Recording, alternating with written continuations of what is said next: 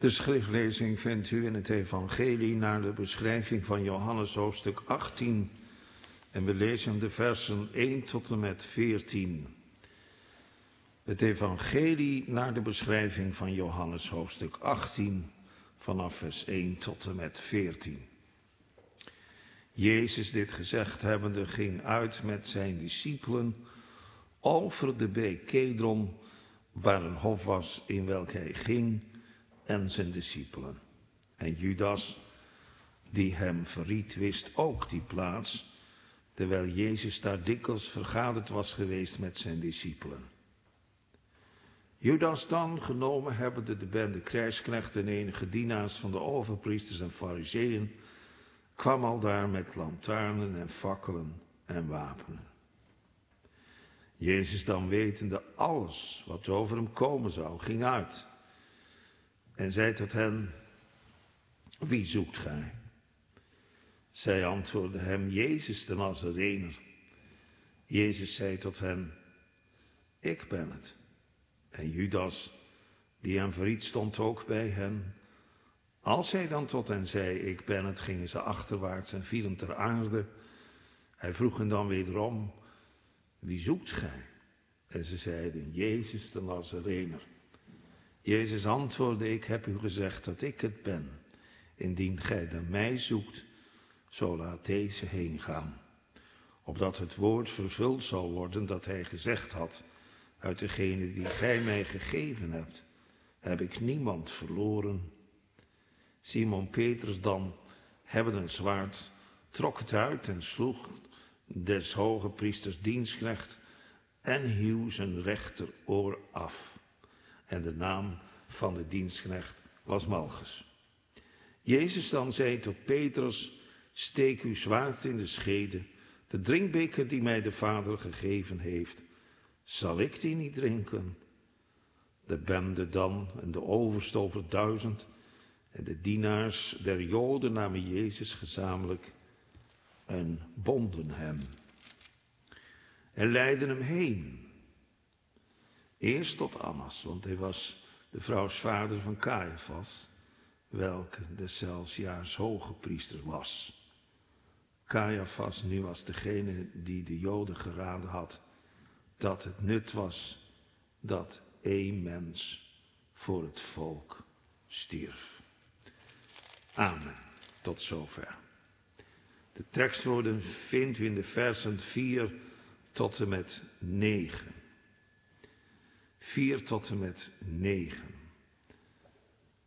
Jezus dan, wetende alles wat over hem komen zou, ging uit en zei tot hen, wie zoekt gij? Ze antwoordden hem, Jezus de Nazarener. Jezus zei tot hen, ik ben het. En Judas die hem verriet stond ook bij hen. Als hij dan tot hen zei, ik ben het, gingen ze achterwaarts en vielen ter aarde. Hij vroeg hen dan wederom, wie zoekt gij? En ze zeiden, Jezus de Nazarener. Jezus antwoordde, ik heb u gezegd dat ik het ben. Indien gij dan mij zoekt, zo laat deze heen gaan, opdat het woord vervuld zal worden dat hij gezegd had, uit degene die gij mij gegeven hebt, heb ik niemand verloren. Tot zover. Gemeente Judas is al onderweg naar de hof van Gethsemane om Jezus gevangen te laten nemen. En de maatregelen die genomen zijn, zijn drastisch. Want hij wordt vergezeld van een afdeling Romeinse soldaten van zo'n 200 man sterk. Dat was een onderdeel van een leger van duizend soldaten. U leest daarover in het twaalfde vers. De bende dan en de overste over duizend. Dus daar zijn 200 eh, manschappen bij Judas gevoegd. En daarbij nog de geestelijke leiders, overpriesters, schriftgeleerden, ouderlingen, die zich weer laten vergezellen van de tempelpolitie. En wat we zo merken is dat zowel de godsdienstige wereld als de godloze wereld de handen ineengeslagen hebben tegen de koning van de kerk, Jezus Christus. Hier wordt Psalm 2 vervuld. Waarom woeden de heidenen en bedenken de volken ijdelheid. De koningen der aarde stellen zich op en de vorsten beraadslagen tezamen tegen de Heere en tegen zijn gezalfde. Het Sanhedrin, de Joodse Hoge Raad, heeft Jezus met zijn handlangers voor de Romeinse stadhouder Pontius Pilatus als staatsgevaarlijk afgeschilderd. En als een die zich tegen het Romeinse Rijk verzet en zich als koning van de Joden opwerpt. En denk er goed om, de waarschuwing is uitgegaan. Er kan van alles gebeuren met die man. En daarom zijn de 200 Romeinse soldaten op de been gebracht om een eventueel oproer hardhandig en efficiënt doeltreffend neer te slaan. Maar Judas zelf zal zijn handen aan Jezus niet vuil maken. Hij zal zijn mond misbruiken. Johannes doet dat niet, maar de evangelisten Matthäus en Johannes vertellen ons dat Judas met de soldaten een duidelijke afspraak heeft gemaakt. Want die soldaten kenden Jezus natuurlijk niet. En Judas kende hem beter als iemand anders. Die kussen zal, zegt hij. Die is het, grijp hem en leid hem zekerlijk heen. Dat wil zeggen, zorg ervoor dat hij niet ontsnapt. En nu gaan wij vanmorgen getuigen zijn van die laatste ontmoeting tussen Judas en Jezus. De laatste ontmoeting met de laatste kus. De kus van een verrader. En wat zien we nu? Wel dat Jezus zijn verrader bewust tegemoet loopt. In vers 1 lezen we hoe hij met zijn discipelen de beek Kedron oversteekt. Om de hof van Gethsemane binnen te gaan. Om zo zijn verrader te ontmoeten. Judas staat er dan in vers 2, wist die plaats ook. En nu is dat moment daar. En Jezus ziet, als hij die hof ingaat, dat gezelschap al voor zich, die donkere hof, wordt verlicht door vele fakkels en lantaarns. De wapens flikkeren in het kunstlicht. U merkt wel, niets is aan het toeval overgelaten. En dan staat er in onze tekst, Jezus dan wetende alles wat over hem komen zou. Ik heb er in het gebed al iets van gezegd. Het overvalt hem dus niet dat Judas hier staat als een verrader. Jezus heeft hem ervoor gewaarschuwd tijdens de paasmaaltijd, nog maar enkele uren geleden. Heeft hij aan de tafel gezegd, terwijl ze een paascha gebruikten met elkaar, waarvan Jezus zegt, ik heb het zeer begeerd met u te houden. Had hij op de vraag van de discipelen wie is het die u verraden zal, geantwoord. Want Jezus had gezegd, een van u zal mij verraden. En dan zegt Jezus, deze is het die ik te beter als ik ze ingedoopt heb, zal geven. En dan neemt Jezus een stukje brood en dat doopt hij in vruchtenmoes. En ja, dan komt het. Hè. Aan wie gaat hij het nou geven? Kan dit verhinderd worden, dat fluiten? Naar beneden wat. Dank u wel.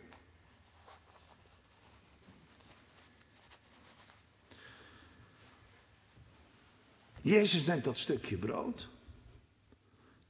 doopt het in de vruchtenmoes. Ja, en aan wie gaat hij het nou geven? Judas wist het natuurlijk wel. En hij geeft het ook aan Judas. En zo wordt hij als verrader ontmaskerd. En dan staan er vreselijke woorden. Toen voerde Satan in hem. En die woorden, toen voerde Satan in hem, worden in de Bijbel gebruikt als het gaat over door de duivel bezeten zijn. Dus vanaf dit moment heeft Judas de macht over zichzelf verloren en is hij een bezetene van Satan geworden. Hoe anders is het dan toch bij Petrus, niet waar? Die zal Jezus driemaal verloochenen. En van hem zegt Jezus in Lucas 22, Simon, Simon. Satan heeft uw lieden, let op die meervoud. Dus Jezus spreekt dan niet alleen tegen Simon, maar ook tegen de andere discipelen. Satan heeft uw lieden zeer begeerd te ziften als de tarwe. Maar dan wat speciale voor Simon. Maar Simon, ik heb voor u gebeden dat uw geloof niet ophoudt. Satan die zal alle mogelijke moeite doen om de discipelen als kaf te laten verdwijnen als de stormen van verzoeking en beproeving zullen opsteken. En helaas, met name Petrus zal in deze verzoeking bijna ten onder gaan. Het zal er ernstig op gelijken dat Petrus bij dat zeven niet meer op de zee zal blijven liggen, maar als het kaf met de wind worden weggevoerd. Maar nee, Simon, zegt Jezus dan, dat zal niet gebeuren. Satan zal jou wel ziften, maar ik heb voor jou gebeden dat uw geloof niet ophoudt. Je zult op de zeef blijven liggen, Simon, als een graankorrel die alleen door mijn dood vruchtbaar zal zijn aan het koninkrijk Gods. Dat is nou dat eeuwige verschil tussen Judas en Petrus. Petrus hoorde bij het koren en hij blijft erbij gedragen door de gebeden van Jezus. Ik heb voor je gebeden dat je geloof niet ophoudt. Voor Petrus mag het gelden indien het gezondigd heeft. We hebben een voorspraak bij de Vader, Jezus Christus, de rechtvaardige hij is een verzoening voor onze zonde. En Judas, Judas hoorde bij het kaf. Hij zal als een verrader openbaar komen. Johannes waarschuwt ons er ook steeds voor. Judas die hem verraden zou. Zo ook hier weer tot tweemaal toe in het gedeelte dat we hebben gelezen, of dat we vooral zouden weten hoe doortrapt slecht deze zogenaamde broeder is. Jezus zal hem zelfs nog vriend noemen. En toch, als in de paaszaal de duivel in Judas vaart, dan blijft Jezus de situatie volkomen meester. Jezus zegt gewoon tegen Judas, wat ge doet, doet het haastig. Judas bepaalt, of Jezus bepaalt de tijd. Jezus bepaalt de plaats. En nu is dat moment daar. Het door Jezus bepaalde moment. Dit is het uur waarover Jezus al meerdere keren met zijn discipelen heeft gesproken. Dat hij gevangen genomen zal worden. Om te lijden en om te sterven. En dan ook om ten derde dagen weer op te staan uit de doden. En nu staat hij daar oog in oog met al die vijanden. Misschien wel 300 man, alles bij elkaar. En hij stapt op ze toe. En hij vraagt, wie zoekt gij? Jezus wordt wel eens de tweede Adam genoemd. Als de Heere God Adam en Maninne roept in de hof van Eden. Dan is dat omdat zij zich verborgen hebben voor de Heer achter het geboomte in de hof. En nu is Jezus ook in een hof. En nu Jezus hier door God geroepen wordt om de zonde van het ganse menselijke geslacht op zich te nemen. Dan treedt hij zijn vijanden tegemoet en hij zegt, wie zoekt gij? Dan is hij er. En bedenkt dan dat hij dit niet voor zichzelf doet. Maar dat hij die stap hier naar voren doet en God de Heilige Geest geven dat we zo in het geloof mogen luisteren. Dat hij nu hier die stap naar voren doet. Voor u, voor jou en voor mij.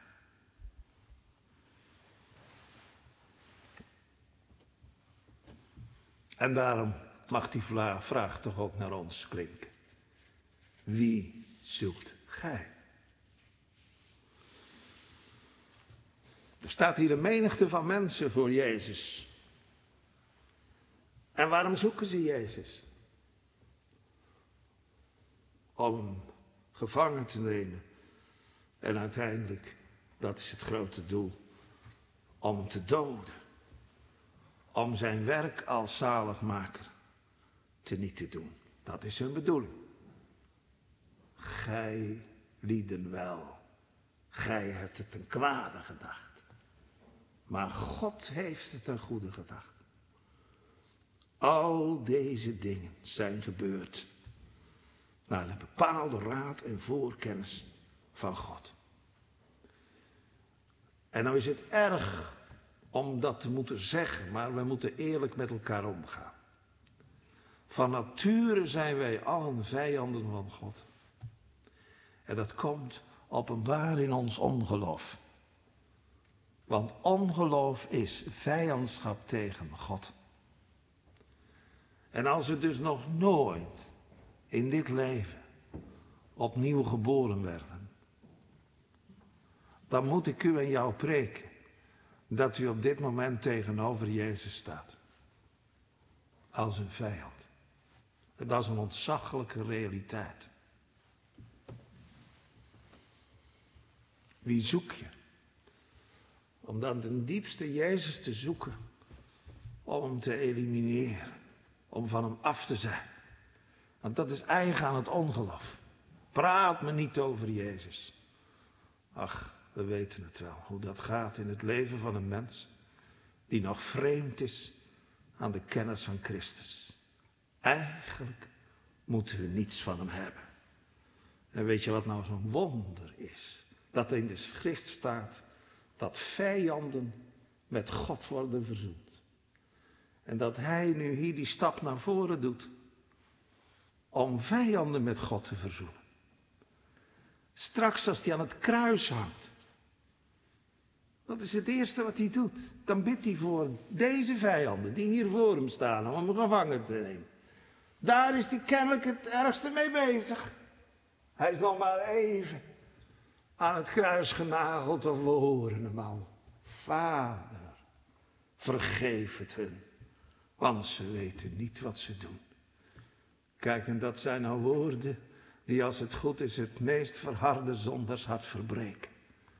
Als je nou inderdaad als een vijand getekend hoort in de schriften, in de verkondiging van de schriften. Wat een woord dan, hè?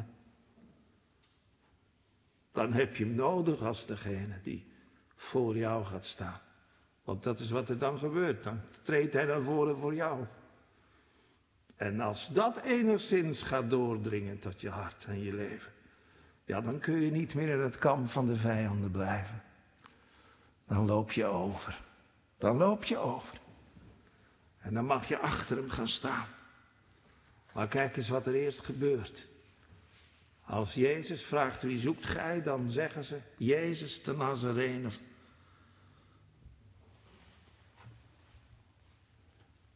En op datzelfde moment dat hij zegt ik ben het, vallen ze achterover. Op het machtwoord van de Heer Jezus Christus. Je vraagt je af hoe is het mogelijk? Nou, dat heeft alles te maken met dat wat hij zegt. Hij zegt namelijk, ik ben het. En dan gaat misschien al een lichtje branden. Als je je Bijbel enigszins kent. Ik ben het. Ik ben. Er staat in het Grieks hier, ego eimi. Ego is ik en eimi is ik ben. Dus hij zegt letterlijk, ik, ik ben. En dat herinnert ons aan de godsnaam, op de wijze waarmee de Heer zich openbaarde aan zijn knecht Mozes bij de brandende braambos. Als Mozes vraagt naar de naam van de Heer, dan zegt hij dat hij is, ik ben. Ik zal zijn die ik zijn zal. En als nou aan Jezus gevraagd wordt, of als Jezus vraagt wie zoek je, Jezus de Nazarener, dan zegt hij, ik ben.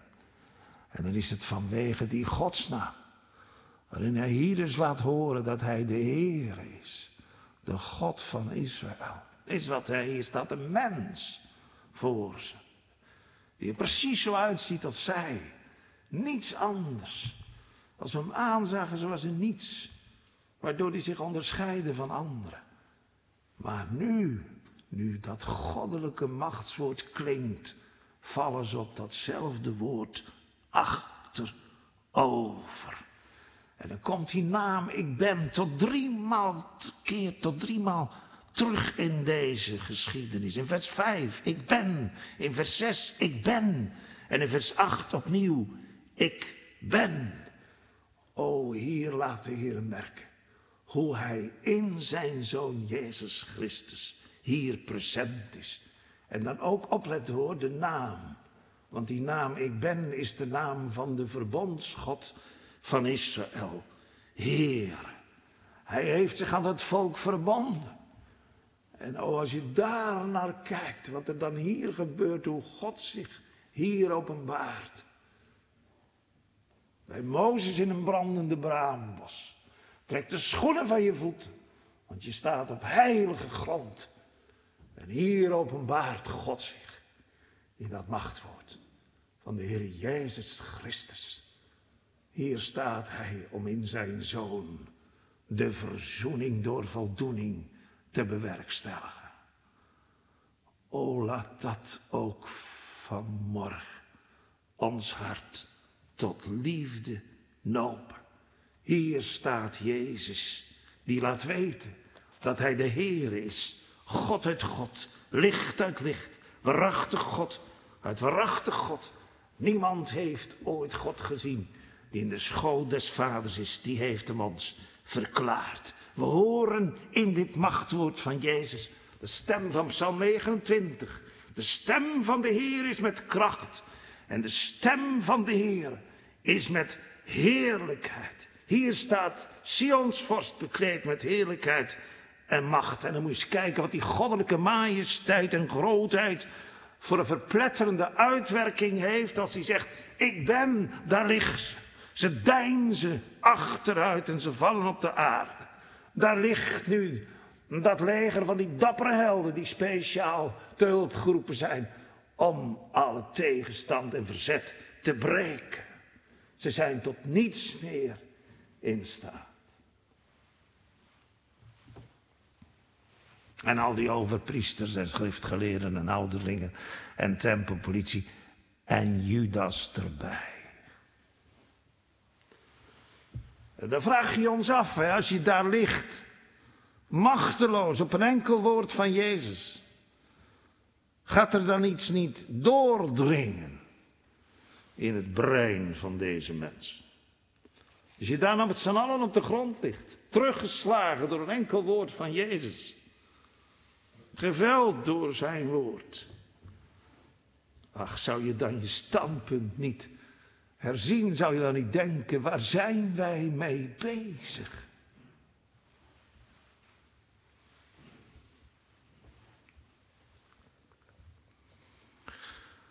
Ja, waar zijn wij mee bezig? Ook in deze barre tijden waarin wij leven op dit ogenblik.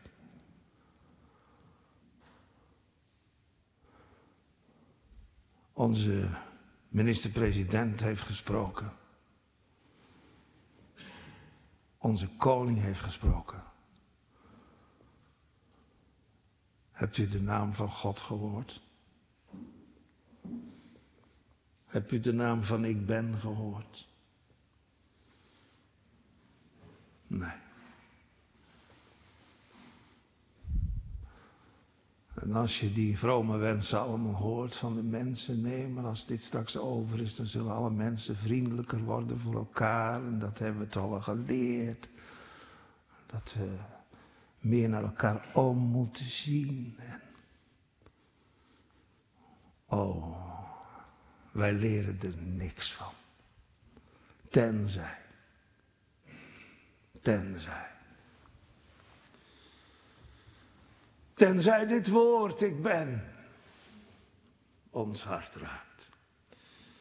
Oh, dan zullen we die ik ben nodig hebben. Als nooit tevoren. En als dat nou de winst mag zijn van de prediking van vanmorgen. Dan is het blijdschap in de hemel over één zondaar die zich bekeert. Weet je, als Jezus nu zo majestueus van almacht toont, want het gebeurt hij toch. Ja, elk der vorsten zal zich buigen en vallen voor hem neer. Al het heidendom zijn lofgetuigen dienstvaardig tot zijn neer. Het zal gebeuren, zeker, maar hier gebeurt het niet. En dat toch ook een gedachte van, Als dan hier in zijn vernedering. Hè? Hij staat hier gereed om gevangen genomen te worden. Om als een lam ter slachting geleid te worden. Als dan zijn woord al zoveel macht heeft. Hoe zal het dan zijn als hij straks als de rechter van hemel en aarde komt? Dan zal het klinken voor al zijn kinderen, voor zijn gelovigen, voor zijn schapen. Ik ben het. Ik ben het. En dan zijn we geen vreemden van hem, want we hebben die stem hier al gehoord. Maar oh, als we die stem nooit gehoorzaamden in dit leven, dan zal hij zeggen, ja, ik ben het. En u wilde maar niet in mij geloven.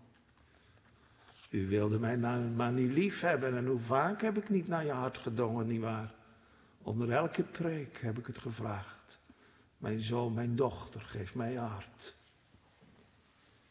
Maar u wilde me niet vrezen, u wilde me niet dienen. U wilde mij niet zoeken, u wilde mij niet volgen. U wilde me niet gehoorzamen. Daarom ga weg van mij. Ik heb u nooit gekend.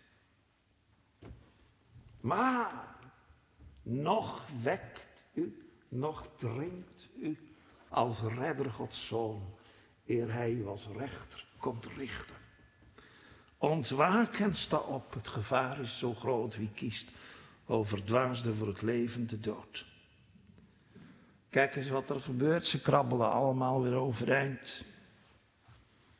En als ze dan weer voor hem staan, dan zegt Jezus voor de tweede keer, wie zoekt gij?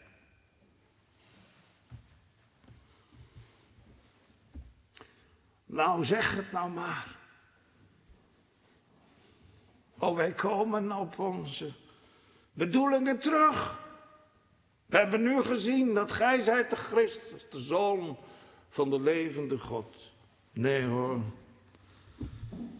Niets verandert. Weer klinkt het, we zoeken Jezus de Nazarener.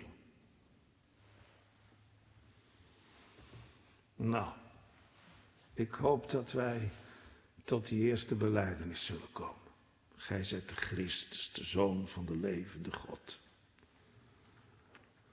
Misschien durf je het nog niet te zeggen, kun je het nog niet zeggen. Maar in ieder geval, je kunt niet volharden in je ongeloof en in je vijandschap. Dat is eigenlijk wat ik ermee wil zeggen. Kijk, dan kan het niet meer bij het oude blijven. Dan, dan komt de vraag, Heer, hoe kom ik hier ooit uit weg? Ik kan het er niet meer in uithouden. Nou, hij heeft het hier niet gezegd, maar op andere plaatsen in de Bijbel wel. En daar mag ik u en jou en mezelf gelukkig gaan herinneren. Wie tot mij komt, zal ik geen zins uitwerpen. Nou, daar heb ik eigenlijk al genoeg mee gezegd. Maar goed, ik wil u nog als dienaar van Christus een duw in de rug geven. Neig uw oor en kom tot mij. Hoort en uw ziel zal leven. En ik zal een eeuwig verbond met je maken en ik zal je geven de gewisse weldaden van David. Dat is alles wat Christus voor zijn kerk verworven heeft.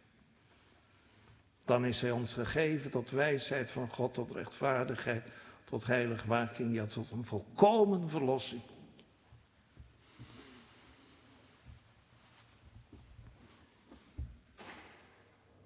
Nou, ja, ik zie, ik zie ze komen hoor. Ik zoek hem. Zeg het maar. Heer, u hebt het zelf gezegd, zoek de Heer en leef, hier ben ik. Wie mij vindt, die vindt het leven en trekt een welgevallen van de Heer. Jezus zegt weer, ego eimi. Ik ben het. Maar opmerkelijk, hè, nu deinst er niemand meer terug. Er valt ook niemand meer op de grond.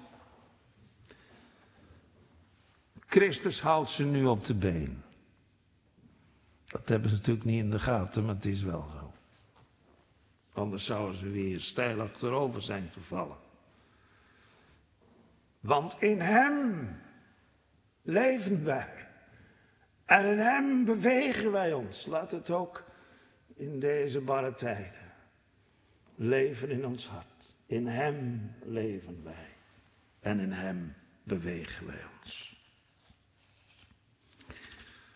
Moet je eens kijken wat er nu gaat gebeuren. Met diezelfde kracht waarmee hij deze vijanden achterover deed vallen, gaat hij nu de aftocht bedringen voor zijn elf discipelen. Prachtig, hè? Ze staan achter, dat wel. Maar hij gaat echt voor hen staan. En met diezelfde kracht waarmee hij die vijand achterover deed vallen, zegt hij nu, indien gij dan mij zoekt, zo laat deze heen gaan. En merkwaardig, dat er nou niemand is die daar iets tegen te zeggen heeft. Wat een macht en wat een majesteit openbaart hier weer Jezus Christus. In zijn overgave aan zijn vijanden bedingt hij de aftocht voor zijn kerk. Want hij bedingt die aftocht niet alleen voor deze elf discipelen. Nee, zij staan hier voor de kerk. Voor de kerk van alle eeuwen, alle plaatsen en alle tijden. Hij staat hier voor die scharen die niemand tellen kan. Hij staat hier voor Adam en Eva. Ja. Voor hen gaat hij de dood in. Hij staat hier voor Jacob en David. Hij staat hier voor Elia en voor Daniel. Voor Petrus en Jacobus. Voor Paulus en Silas. Voor Luther en Calvijn. En dan trek het maar wat dichter naar ons toe. Misschien ziet u nu achter hem staan ook uw overleden opa en oma. Of uw vader en moeder. Of misschien wel uw broertje of uw zusje. Uw kind of uw kleinkind. En zie je nou jezelf er ook bij staan. Want daar gaat het dan weer om. Hè? Natuurlijk groot als je een moeder hebt die de Heer vreest. En een vader en een opa. Maar mogen het zelf doen? Ja, Heer, ik ben uw knecht. Uw dienstmaagd zoon. U slaakte mijn banden. Oh, dan. Misschien denk je, oh, ik sta helemaal achteraan, maar ja. Je bent er ook nog maar net bij gekomen. En tellen als in Israël ingelijfd gaan we straks zingen. En doen de naam van Sions kinderen dragen. En oh, wat zul je dan ook speuren of je eigen kinderen en kleinkinderen daar ziet staan. Want we moeten er toch allemaal bij horen. En misschien hebben we daar wel de grootste zorg over op dit moment. Dat kan toch, hè? Dat je kinderen en kleinkinderen of kleinkinderen een heel andere weg gaan. Als die ooit gedacht had dat het zo zou gaan zoals het nu gaat. Wat kan er dan moedeloosheid leven? En zeggen, Heer, hoe komt het nou ooit terecht? En altijd maar weer de schuld bij jezelf zoeken. Dat je denkt, oh God, ja, ik heb dit niet gedaan en ik heb dat niet gedaan. En had ik zus maar niet en had ik zo maar niet. Wat blijft er nou over? Om ze te werpen op Gods genadeverbond. Dat is echt het enige wat overblijft. Dat je de belofte Gods omhelst. En zegt, Heer, u hebt toch zelf gezegd. Het verbond met Abraham, zijn vriend, bevestigt hij. Van kind tot kind. Ja, God zal ze zelf bevestigen en schragen. In vers 9 staat, opdat het woord vervuld zou worden dat hij gezegd heeft, uit degene die gij mij gegeven hebt, heb ik niemand verloren. Kijk, dat is het geweldige ook, kind van God onder ons. Als we mogen geloven dat we van de hemelse Vader aan Christus gegeven zijn. Dan mogen we ook geloven dat Hij ons weer in de handen van de Vader teruggeeft. Dat Hij voor u, voor jou, voor mij die prijs heeft betaald. Dan zie ik Hem hier voor mij de vijand tegemoet stappen. En dan hoor ik Hem zeggen, voor mij, indien gij dan mij zoekt, zo laat deze heen gaan. Dat zijn de gegevenen van de Vader. Oh, wat is hij nu tevreden? Want nou ziet hij zijn discipelen vertrekken. En hij weet het, jullie mogen vertrekken op mijn kosten.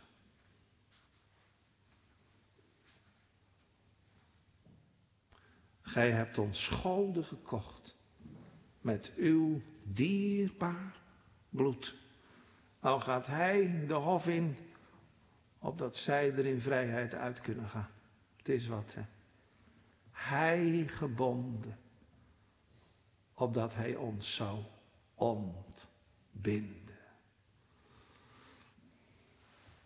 Ze mogen vertrekken. Er is niemand die ze tegen kan houden. En ze gaan ook vertrekken. Lucas zegt het zo en zij hem verlatende zijn alle gevlucht. De schrik heeft hen zo bevangen, zoveel overmacht. En dan ook de grimmigheid waarmee dat zich alles afspeelde voor hun ogen, zwaarden en stokken, alsof ze de grootste misdadigers waren. Maar we weten ook hoe de liefde tot Christus hen weer bijeen zal brengen. En hoe ze straks als Jezus gestorven is, bijeen zijn. En juist dan komt hij bij hen. Opdat het woord van de profeet Zacharia in vervulling zou gaan. Zwaard ontwaakt tegen mijn herder. Tegen de man die mijn metgezel is. Sla die herder. En de schapen zullen verstrooid worden. Dat zie je nu gebeuren. Daar gaan ze. Ieder gaat zijn weegs. Doch ik zal mijn hand tot de kleine wenden.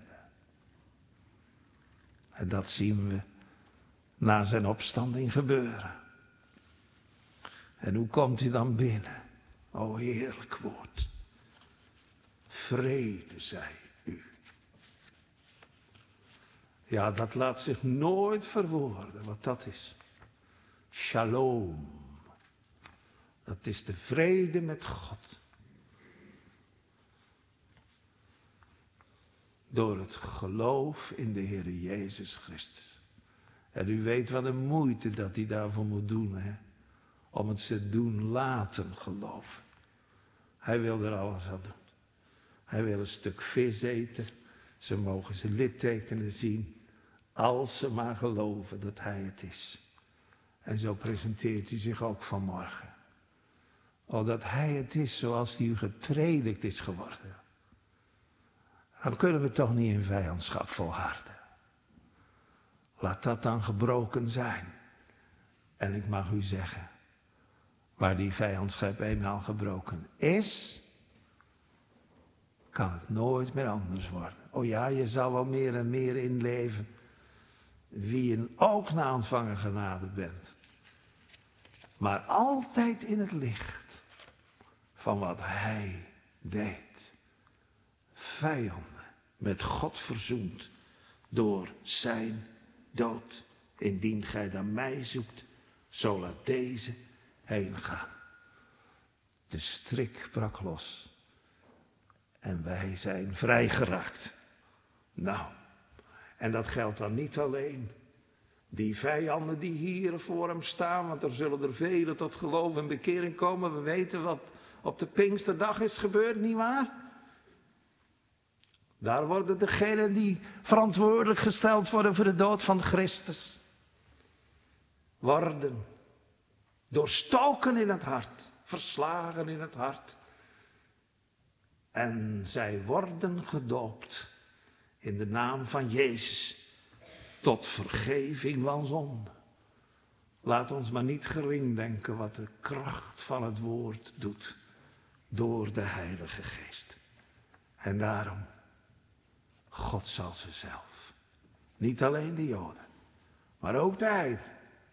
Want dat is op de Pinksterdag wel duidelijk geworden. Dat die middelmuur die er was van afscheiding tussen Jood en Heiden, door de dood van Christus volledig is weggenomen. God zal zichzelf bevestigen en schragen. En op zijn rol waar hij de volken schrijft en tellen. Als in Israël ingelijfd en doet de naam van Sions kinderen dragen. Amen.